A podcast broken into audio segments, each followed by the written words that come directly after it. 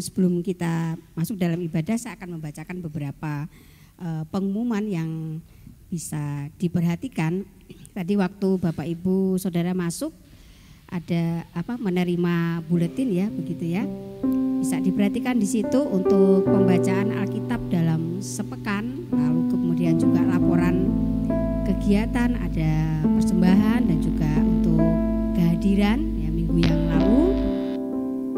Kemudian juga untuk uh, petugas minggu depan ya bisa diperhatikan di situ ya. Lalu ada beberapa pengumuman yang bisa diperhatikan saat ini. Uh, gereja akan kembali membuka kelas persiapan baptisan ya. Ada hari Minggu tanggal 20 Agustus jam 8 di kantor gereja bagi jemaat yang siap untuk dibaptiskan bisa hadir. Kemudian gereja kita akan mengadakan perjamuan Tuhan pada hari Minggu minggu depan tanggal 20 Agustus dalam ibadah pagi 1, 2 dan juga ibadah sore. Jadi mohon jemaat bisa mempersiapkan diri. Lalu Gereja Baptis Candi akan mengadakan mini konser khusus musik ya, pada hari Senin tanggal 14 Agustus 2023 jam 18 atau jam 6 sore. Ya, hari Senin berarti besok ya. Ini uh,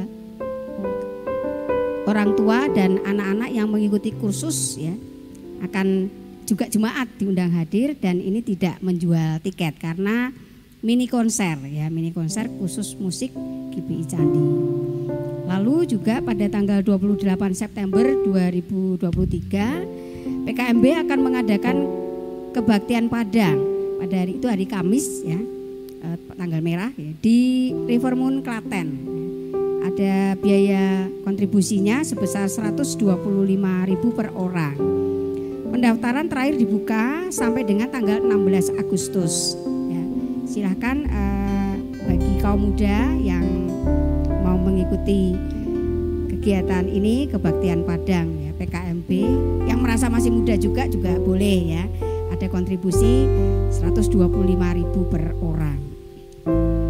Lalu gereja mengucapkan selamat ulang tahun bagi Bapak Ibu Saudara yang berulang tahun sepanjang minggu ini.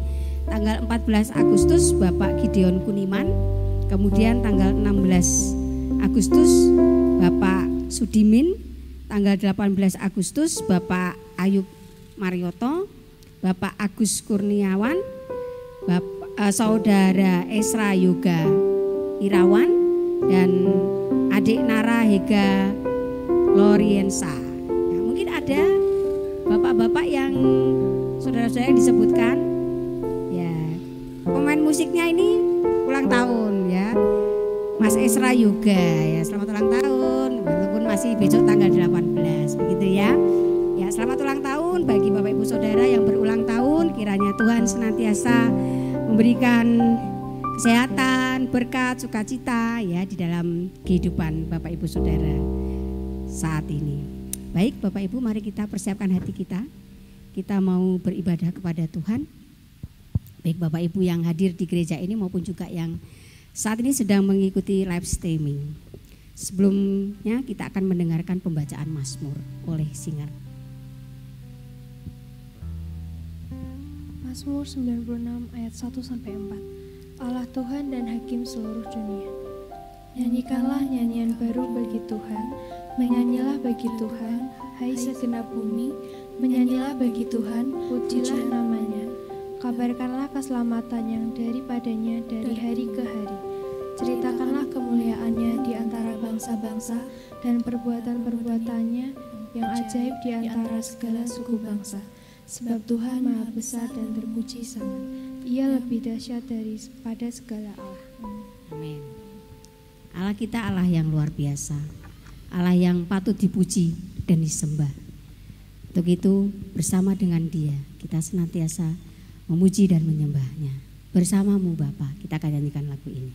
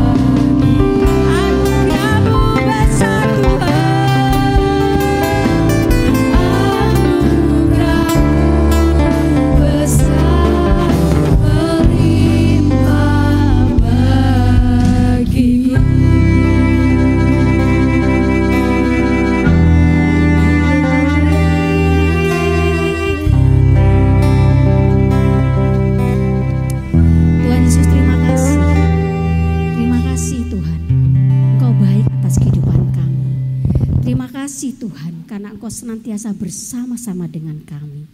Terima kasih Tuhan karena Engkau senantiasa mencukupi kami Tuhan. Dan saat ini Tuhan kami rindu. Kami rindu untuk beribadah.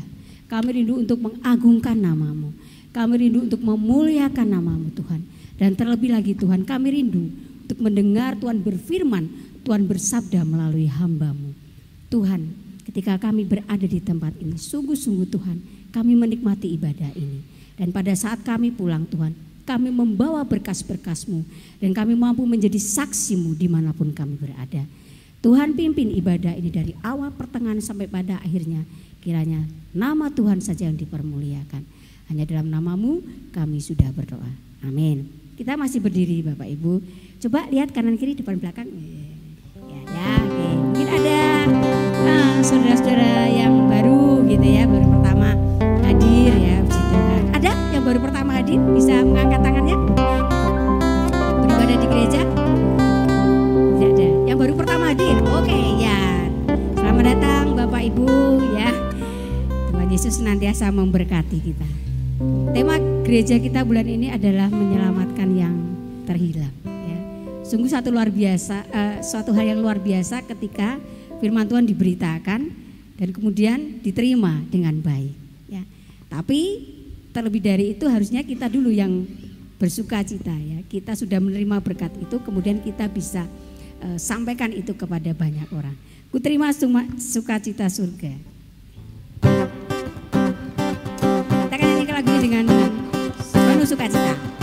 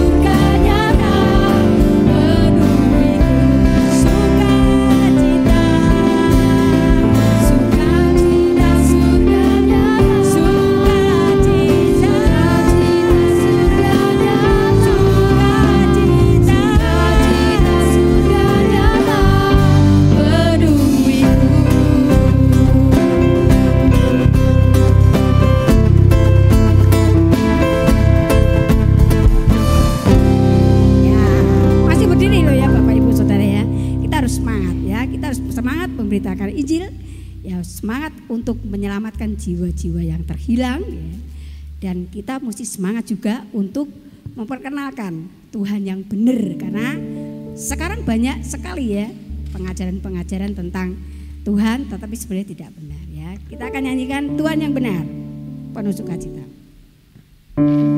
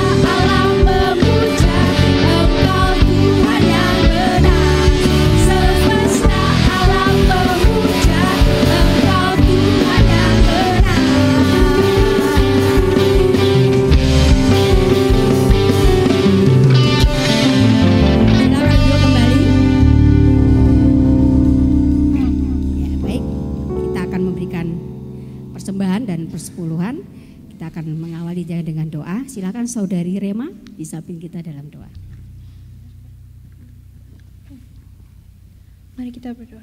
Selamat sore Bapak, terima kasih pada sore hari ini kami dapat berkumpul untuk beribadah. Bapak, kami akan memberikan persembahan, semoga Engkau memberkati tangan yang akan memberi agar persembahan ini dapat menjadi berkat bagi gereja ini. Ini adalah doa kami yang kami persembahkan untukmu. Kami berdoa dalam nama Tuhan Yesus. Amin. Amin. Sementara kantong persembahan didengarkan, saya dengan para singer akan menyanyikan satu lagu. Dengan sukacitaku kan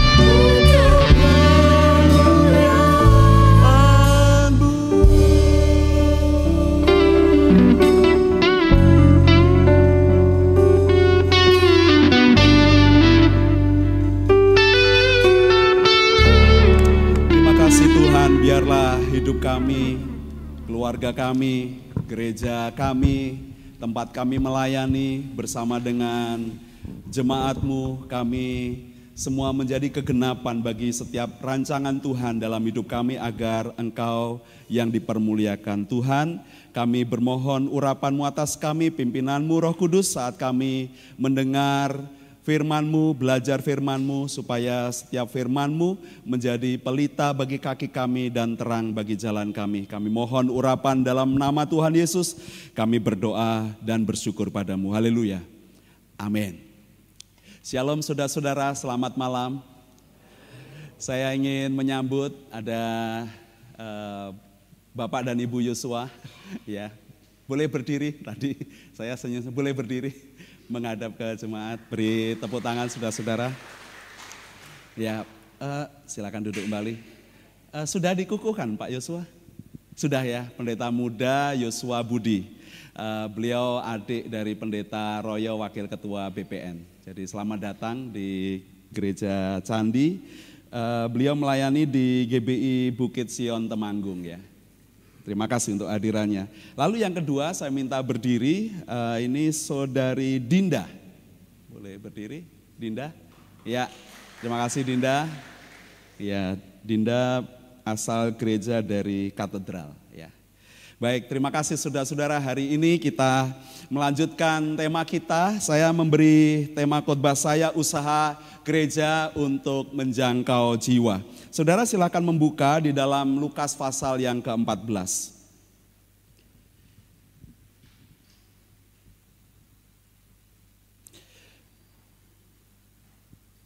Injil Lukas pasal yang ke-14 saya ingin baca untuk saudara-saudara ayat 16 sampai dengan ayat yang ke-20. Tetapi Yesus berkata kepadanya, ada seorang mengadakan perjamuan besar dan ia mengundang banyak orang. Menjelang perjamuan itu dimulai, ia menyuruh hambanya mengatakan kepada para undangan, marilah sebab segala sesuatu sudah siap. Tetapi mereka bersama-sama meminta maaf. Yang pertama berkata kepadanya, aku telah membeli ladang dan aku harus pergi melihatnya. Aku minta dimaafkan. Yang lain berkata, aku telah membeli lima pasang lembu, kebiri, dan aku harus pergi mencobanya. Aku minta dimaafkan.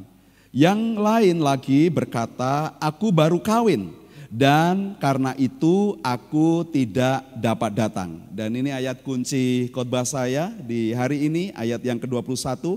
Maka pergilah hamba itu dan menyampaikan semuanya itu kepada tuannya, lalu murkalah tuan rumah itu dan berkata kepada hambanya, pergilah dengan segera ke segala jalan dan lorong kota dan bawalah kemari orang-orang miskin dan orang-orang cacat dan orang-orang buta dan orang-orang lumpuh. Saudara nanti kita akan lanjutkan kembali. Saudara ada tiga alasan waktu Tuhan dalam perumpamaannya dia mengundang karena ada pesta, ada perjamuan besar sudah siap dan dia minta kepada pesuruhnya untuk mengundang para tamu undangan yang spesial, yang dikhususkan menjadi prioritas, diundang untuk datang karena waktunya sudah tiba.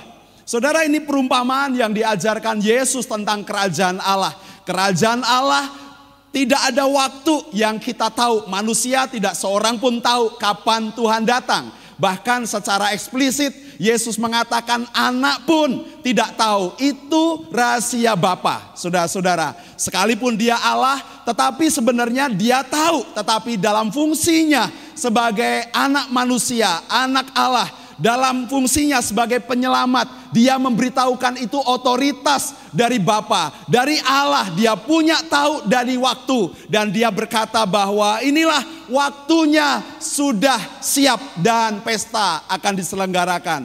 Dan pesuruhnya mengundang para undangan yang diprioritaskan daftar tamu yang secara penting dia ditaruh di daftar yang paling atas diundangkan pada mereka dan segera perjamuan besar akan dilaksanakan waktunya sudah siap. Yang pertama saudara-saudara, seorang berkata, aku baru membeli ladang dan aku harus melihatnya. Ini urusan pekerjaan saudara-saudara. Ini urusan bisnis. Ada workplace di mana dia berada. Dia berkata, aku sudah membeli ladang, aku harus melihatnya, aku akan menyelesaikan semua urusannya dan menyelesaikannya untuk menjamin masa depanku karena pekerjaan. Lalu yang kedua, dia minta dimaafkan karena waktu dia diundang untuk datang segera datang, waktunya sudah tiba, dia berkata, "Aku baru membeli lembu dan aku harus mencobanya. Aku harus ngujinya seberapa berat, seberapa keras dia dapat bekerja untuk ladangku. Dan yang ketiga, dia berkata bahwa ini berurusan dengan keluarga saudara-saudara.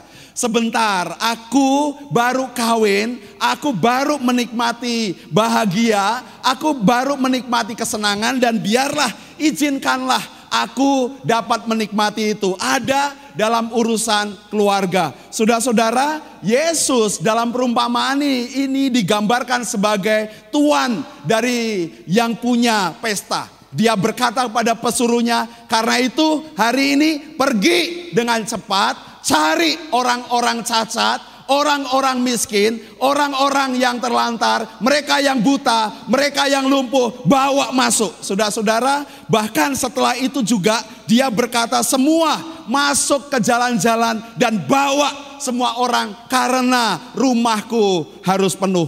Saudara-saudara, berapa banyak dari gereja, dari kita, keluarga-keluarga Kristen, orang-orang percaya punya passion, punya kerinduan, punya gairah untuk menyelamatkan jiwa-jiwa. Seperti minggu lalu saudara-saudara, 89% gereja-gereja tidak punya daftar prospek orang yang ingin dijangkau. 89% gereja-gereja tidak meletakkan prioritas penginjilan, mencari jiwa-jiwa yang terhilang, saudara-saudara.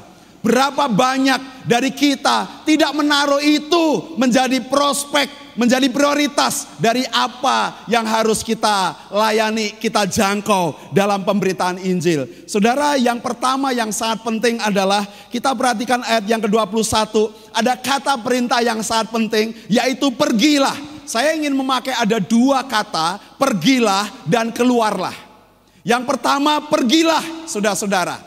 Kalau Anda melihat di dalam 1 Korintus 9 ayat 16 17 mengatakan bahwa seperti Paulus berkata, karena jika aku me, tidak memberitakan Injil, saudara-saudara lihat ayat yang ke-16 dikatakan, celakalah aku jika aku tidak memberitakan Injil. Lalu lihat ayat yang uh, di atasnya, karena jika aku memberitakan Injil tetapi mempunyai alasan untuk memegahkan diri, sebab itu adalah keharusan bagiku. Celakalah aku jika aku tidak memberitakan Injil.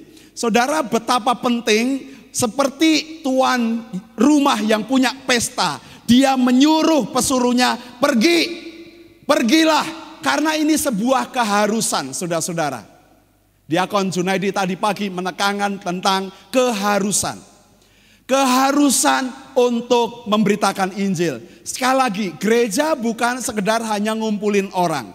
Gereja bukan sekedar supaya ada banyak uang di dalam perbendaraan di dalam gereja. Gereja bukan hanya sekedar orang-orang ingin menikmati ibadah, ingin menikmati kehidupan keberagamaannya, ke gereja bukan sekedar Anda kumpul dalam kumpulan sosial, Anda punya teman, Anda punya komunitas, lebih dari itu saudara-saudara, harusnya gereja, passionnya setiap Anda, setiap pelayan-pelayan Tuhan digerakkan untuk pergi, untuk memberitakan jiwa-jiwa itu kepada Tuhan tentang Injil yang harus sampai kepada mereka. Mereka harus diberitakan saudara-saudara. Kalau Anda membaca dalam Lukas pasal yang terakhir saudara, Lukas 24, silakan membuka Lukas 24 ayat yang ke-46 dan 47.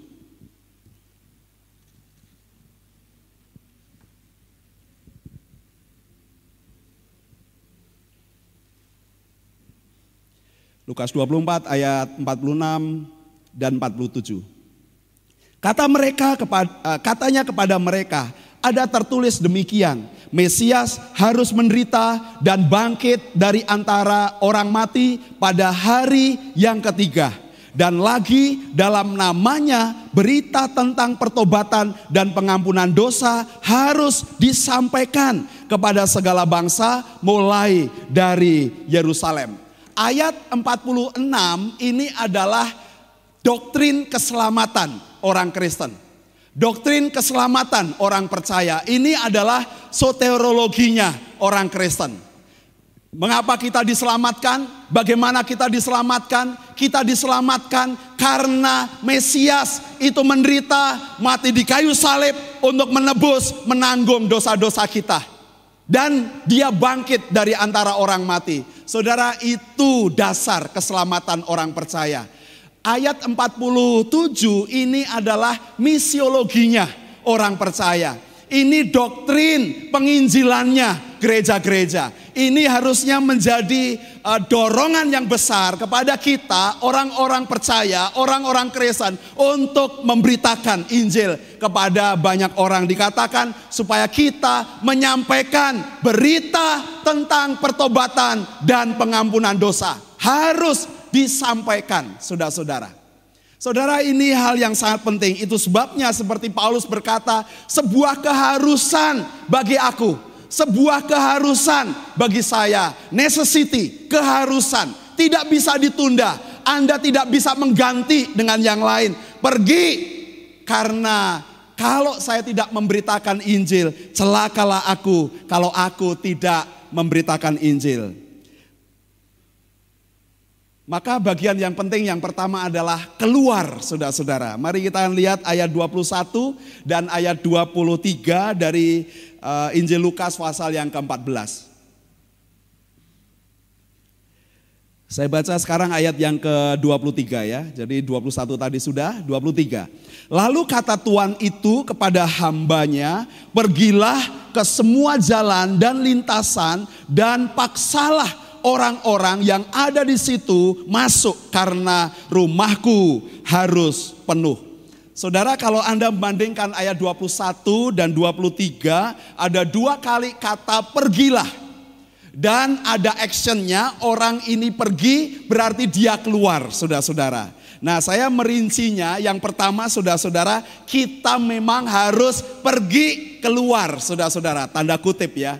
Kita perlu tidak ada di tempat kita, di kenyamanan kita, menikmati keselamatan kita, menikmati persekutuan kita dengan Tuhan secara sendiri, secara pribadi, tetapi kita juga harus punya tangan-tangan yang mau bekerja, meraih dan menjangkau. Kita harus punya kaki yang mau melangkah keluar, mencari saudara-saudara dan menyelamatkan mereka yang terhilang.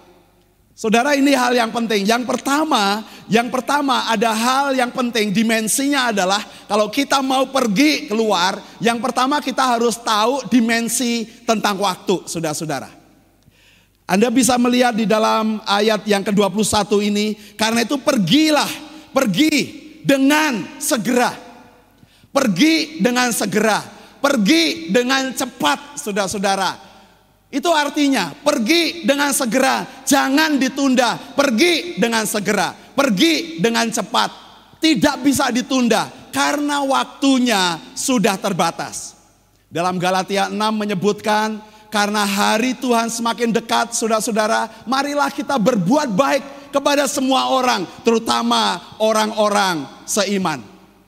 Kita juga tahu bahwa Tuhan memberitahukan dalam 2 Petrus pasal 3 ayat 15, anggaplah kesabaran Tuhan. Kalau dia belum datang, saudara-saudara, kalau kiamat itu belum datang, anggaplah itu sebagai satu bentuk kesabaran Tuhan. Karena dia mengendaki semua orang diselamatkan. Pergi dengan segera, jangan bertunda. Dalam kamus saya melayani uh, Tuhan, saudara-saudara, Anda ngerti uh, apa karakter saya ya. Anda ngerti, saya selalu bicara bahwa waktu kita tidak lama, Saudara-saudara. Waktu kita singkat, waktu kita cepat. Semua akan berlalu dengan begitu cepatnya. Saudara-saudara itu harusnya menjadi uh, dimensi pekerjaan pelayanan dalam program dalam setiap kita, langkah kita, orang-orang percaya, apalagi hamba-hamba Tuhan, seperti saya, gereja kita, setiap infrastruktur yang dipakai untuk kita lakukan dalam pelayanan, semua harus mengarah kepada jiwa-jiwa, menemukan mereka yang terhilang, mencari mereka, dan menyelamatkan mereka yang terhilang. Saudara, semua resource yang kita punya, kenapa harus dikerjakan untuk itu? Karena waktunya sangat cepat harus dikerjakan dengan segera, tidak bisa ditunda. Yang kedua dimensi tentang bawalah masuk. Dalam ayat yang ke-21 juga dikatakan bawalah masuk. Saudara lihat dalam uh, spirit dalam uh, ayat itu dalam kisah atau perumpamaan yang disampaikan oleh Yesus dikatakan supaya dia pergi, pesuruhnya pergi dan kemudian bawa masuk. Siapa saja itu? Orang-orang yang harus dibawa masuk, orang yang sakit, orang yang miskin, orang yang cacat, orang yang buta, orang yang lumpuh, orang yang tidak berdaya apa pun, saudara-saudara, itu sangat berharga di mata Tuhan. Bahkan dalam ayat yang ke-23 itu dikatakan bahwa mereka harus masuk ke lintasan-lintasan ya. Nah, nanti yang bagian yang ketiga dikatakan bahwa mereka ini orang-orang yang harus dibawa masuk spiritnya dibawa masuk dalam pesta. Tidak hanya inguk-inguk di pintu uh, rumah. Tidak hanya ada di teras saudara-saudara. Tidak seperti sebuah lagu populer yang dinyanyikan oleh Gigi ya. Misalnya pintu surga, pintu surga di mana kau berada. Lah pintunya aja nggak tahu gimana mau masuk ya. Kita bisa analogikan itu saudara-saudara. Kita tahu bahwa Tuhan menyediakan menyediakan dirinya. Aku ini jalan dan kebenaran dan hidup. Tidak ada seorang pun yang sampai kepada Bapa kalau tidak melalui aku. Seperti minggu yang lalu saudara, saya pulang dari khotbah, kemudian saya ketemu dengan uh, saudara dari istri saya dan waktu sampai di rumah kami melanjutkan pembicaraan, dia bertanya, uh, "Dek, channel YouTube-mu apa? Saya berkata, iyo tadi aku bilang siang ketemu, aku ngundang kamu ke gereja. Aku tuh biasa loh, denger ke khotbah ustadzmu. Saya bilang begitu saudara. Dia tanya ustadz sing di. Oh ustadz ini, ustadz ini, ustadz yang radikal, ustadz ini, Buya Syakir, ini uh, UAS. Kita dengerin saudara-saudara. Aku biasa dengerin ustadzmu. Yo sekali-sekali kamu dengerin khotbah adikmu yang pendeta. Dia minta uh, YouTube channelnya saudara-saudara. Dan malam itu kami ngomong panjang lebar tentang Allah yang menjelma menjadi manusia. Saudara-saudara kita punya kehausan. Bukan hanya keharusan tapi kehausan untuk terus menerus sebuah kebutuhan saudara-saudara. Anda tidak diwajibkan oleh saya, saya tidak memberi kewajiban untuk Anda, tetapi kita menerima keharusan yang sama dari Tuhan. Karena dia berfirman kepada kita, itu sebuah keharusan. Dan waktu saya menikmati keharusan, itu saya menikmatinya dengan seperti kehausan, saudara. Nah silakan saudara bisa uh, meminta kepada Tuhan hikmat. Gimana caranya saya keluar, saya pergi keluar, mengasihi jiwa-jiwa, mencari mereka dan membawa masuk ke dalam persekutuan, diperkenalkan dengan Tuhan. Nah saya berkata pada dia, ya ini kamu bisa nanti uh, mas Anda bisa browsing ini, uh, lihat YouTube-nya. Ini pendeta ini, pendeta Dr. Bambang Nursena. Saya merekomendasikan semua hal yang baik untuk dia, saudara-saudara. Ini channelku, khotbah saya, saya berikan kepada dia. Saudara-saudara kita mungkin tidak bisa secara langsung, mungkin ya. Tetapi kalau kita tidak mencari, kita tidak berusaha, kita tidak mau keluar saudara-saudara, kita tidak akan pernah menemukan jiwa-jiwa yang ternyata haus akan Tuhan. Saudara ini hal yang perlu dicatat oleh kehidupan kita, pelayanan kita, dan apa yang kita kerjakan. Saudara bisa membuka juga dalam uh, 1 Korintus pasal yang ke-9 ayat 20 sampai ayat yang ke-22.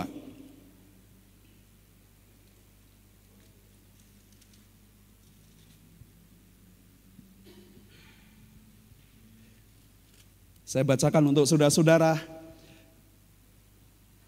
ayat yang ke-20 sampai 22 ya. Demikianlah bagi orang Yahudi aku menjadi seperti orang Yahudi supaya aku memenangkan orang-orang Yahudi. Bagi orang-orang yang hidup di bawah hukum Taurat, aku menjadi seperti orang yang hidup di bawah hukum Taurat. Sekalipun aku sendiri tidak hidup di bawah hukum Taurat, supaya aku dapat memenangkan mereka yang hidup di bawah hukum Taurat. Bagi orang-orang yang tidak hidup di bawah hukum Taurat, aku menjadi seperti orang yang tidak hidup di bawah hukum Taurat, sekalipun aku tidak hidup di luar hukum Allah, karena aku hidup di bawah hukum Kristus, supaya aku dapat memenangkan mereka yang tidak hidup di bawah hukum Taurat bagi orang-orang yang lemah, aku menjadi seperti orang yang lemah, supaya aku dapat menyelamatkan mereka yang lemah. Bagi semua orang, aku telah menjadi segala-galanya, supaya aku sedapat mungkin memenangkan beberapa orang dari antara mereka. Saudara, cara di sini, sedapat mungkin aku sudah menjadi segala-galanya untuk mereka dan supaya apa tujuannya? Sedapat mungkin aku dapat memenangkan mereka. Beberapa orang dari mereka. Kenapa demikian saudara-saudara?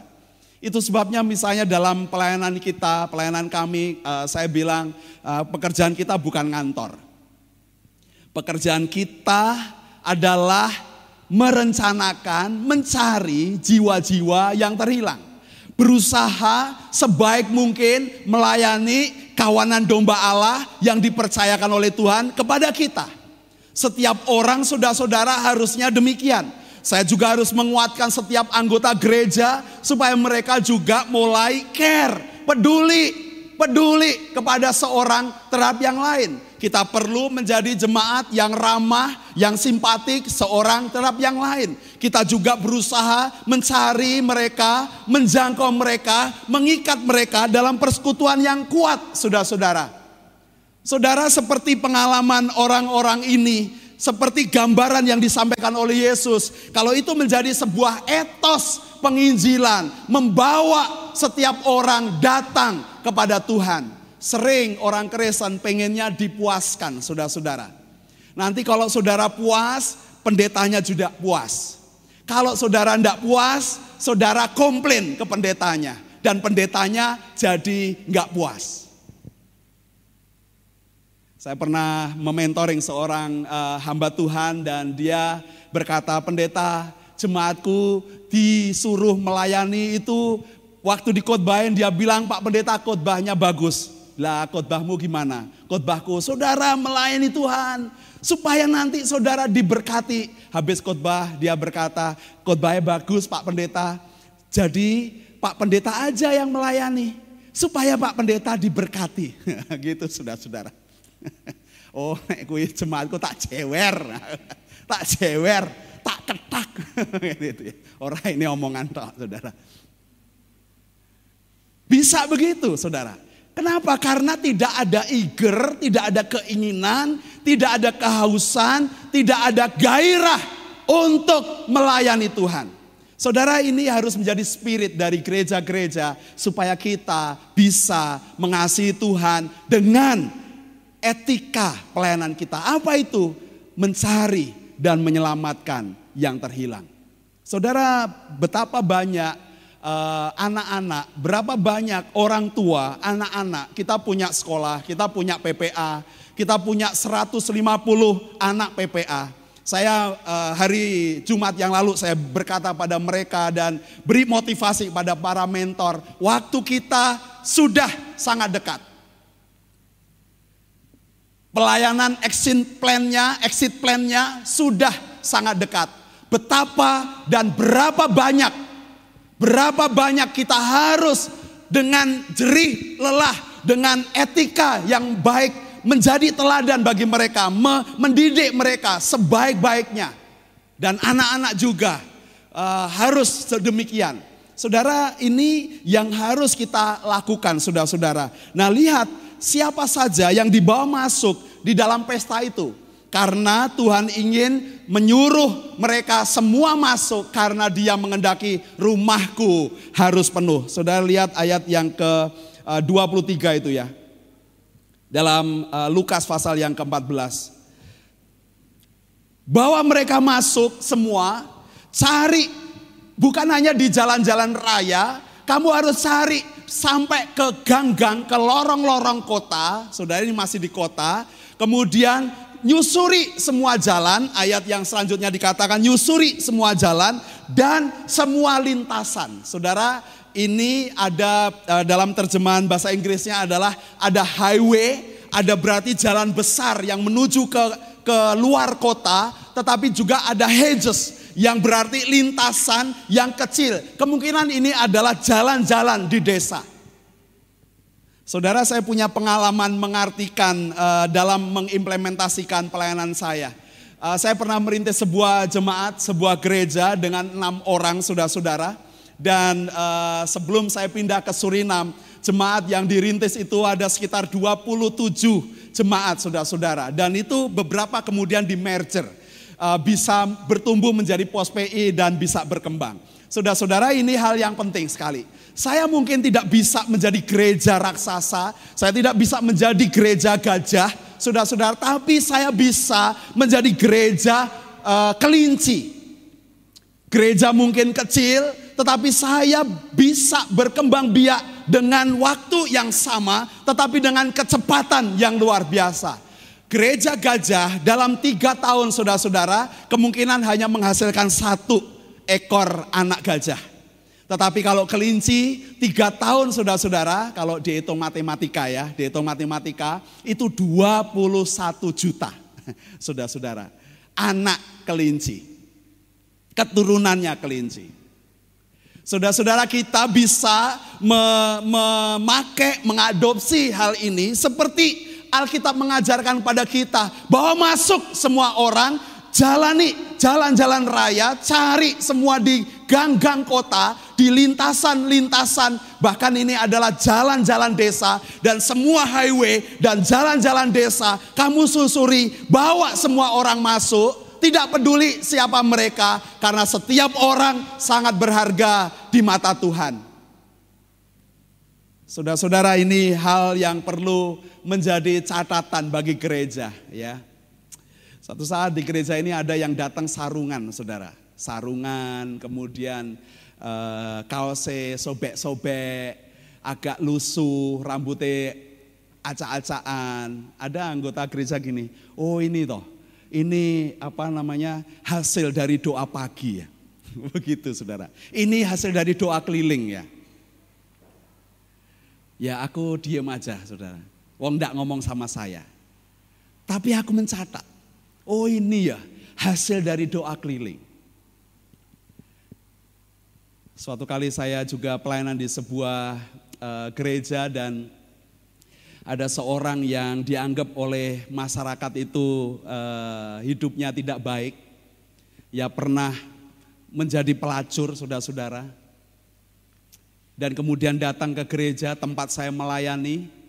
Dan saya undang uh, percaya Tuhan dia melayani itu di gereja tempat ayah saya punya cabang, cabang dari gereja ayah saya dan semua jemaat itu kasak kusuk.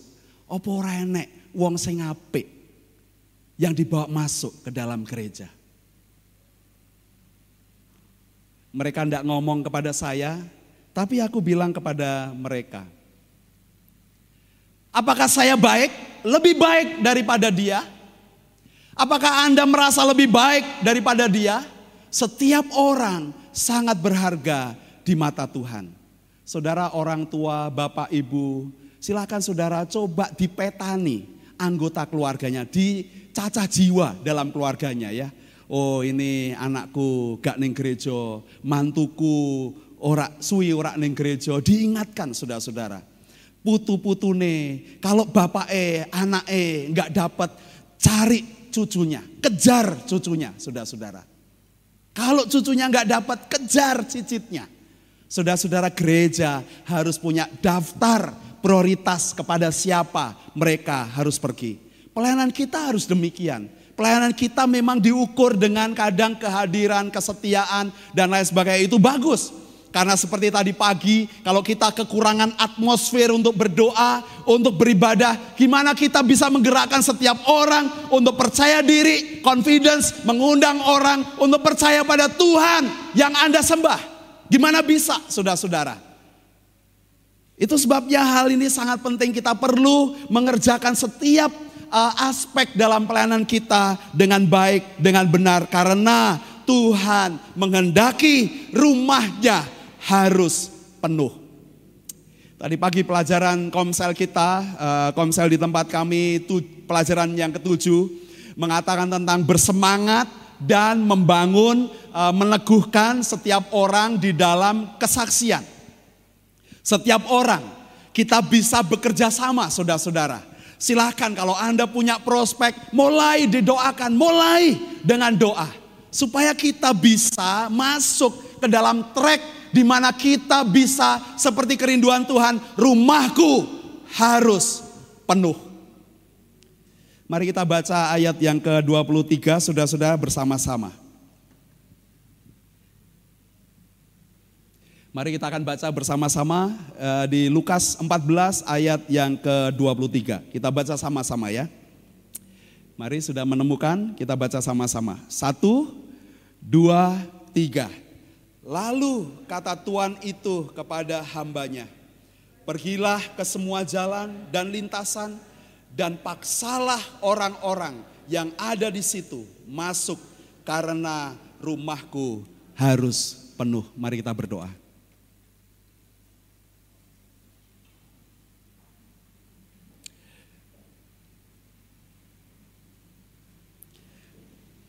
Silahkan menjadi saksi dimulai dengan doa.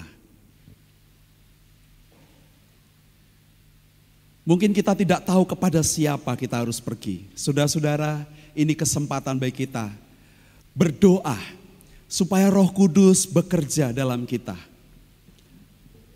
Dia memberikan kesaksian kepada kita tentang dirinya. Dia juga mengingatkan pada kita untuk berjalan dalam jalan kebenaran dan mulailah dengan berdoa kepada siapa kita pergi untuk memberitakan Injil. Kenapa kita belum pergi memberitakan Injil? Karena kita belum berdoa. Silakan saudara-saudara, Anda bisa berdoa secara batin kepada Tuhan, berbicara pada Tuhan. Biarlah Roh Kudus menguatkan motivasi Anda, memberi semangat, memberi motivasi untuk mencari, menyelamatkan yang terhilang. Saudara juga bisa minta kepada Tuhan, Roh Kudus, beri aku keberanian untuk aku bisa memberitakan Injil. Roh Kudus beri aku keberanian untuk mengundang mereka yang belum percaya kepada Tuhan Yesus ada bersama-sama dengan kamu. Silakan sudah-sudah berdoa, mulailah dengan berdoa.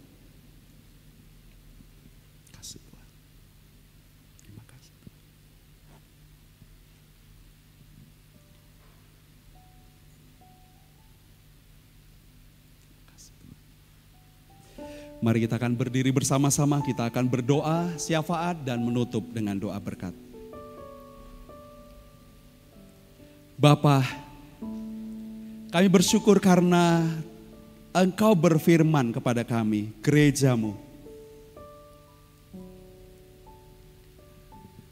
Supaya kami punya tanggung jawab seperti yang Tuhan kehendaki. Ada keharusan bagi kami untuk memberitakan berita keselamatan kepada orang lain.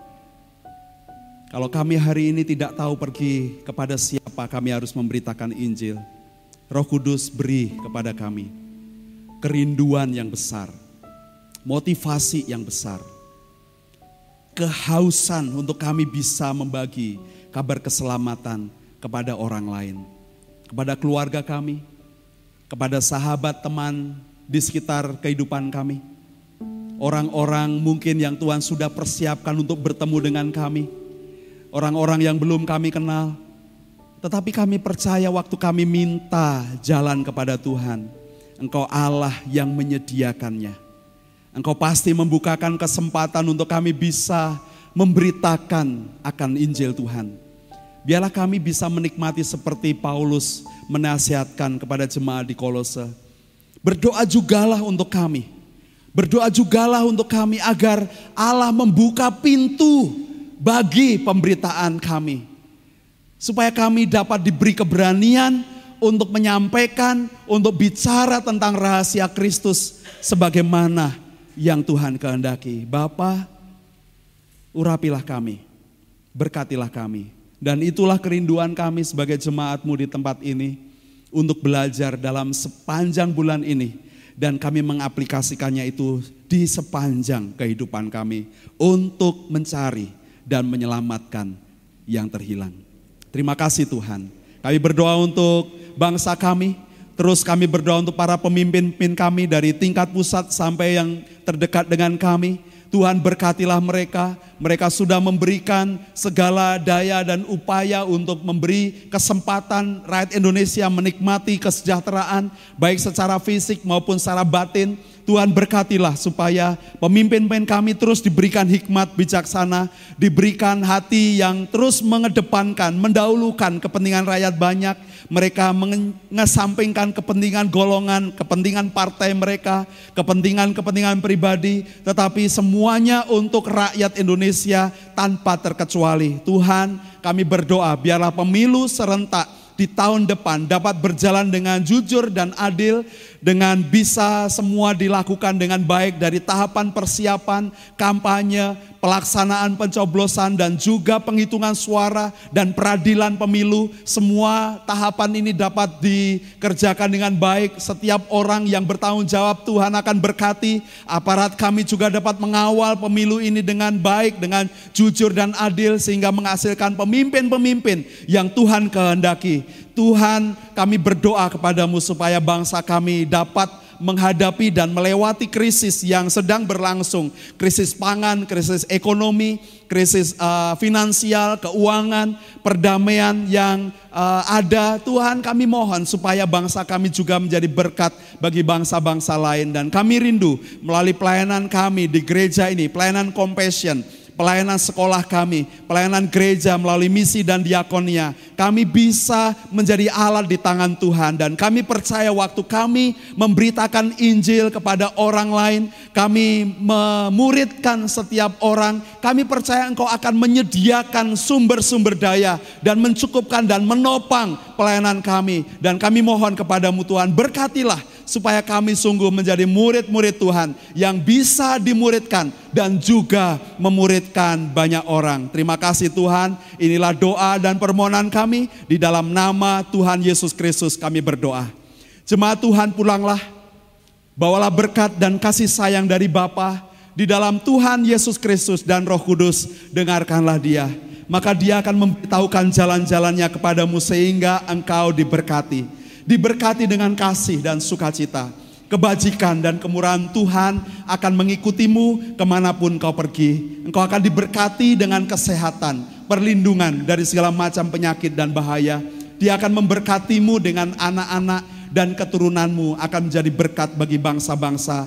Dia juga akan memeliharakan kehidupanmu secara total, melimpahkan rezeki dengan murah hati. Dan setiap tangan-tanganmu yang bekerja diberikan keterampilan, keberhasilan dan keberuntungan. Dan saksikanlah pada orang lain apa yang sudah Bapamu perbuat dalam kehidupanmu sehingga orang melihat per, melihat perbuatan Bapamu yang baik yang ajaib itu dan mereka juga menyembah Bapamu yang di sorga. Terima kasih Tuhan Yesus inilah ibadah kami, korban syukur dan puji-pujian kami naikkan untuk Engkau saja, Yesus Kristus, Kepala Gereja kami dari sekarang sampai selama-lamanya. Haleluya. Amin.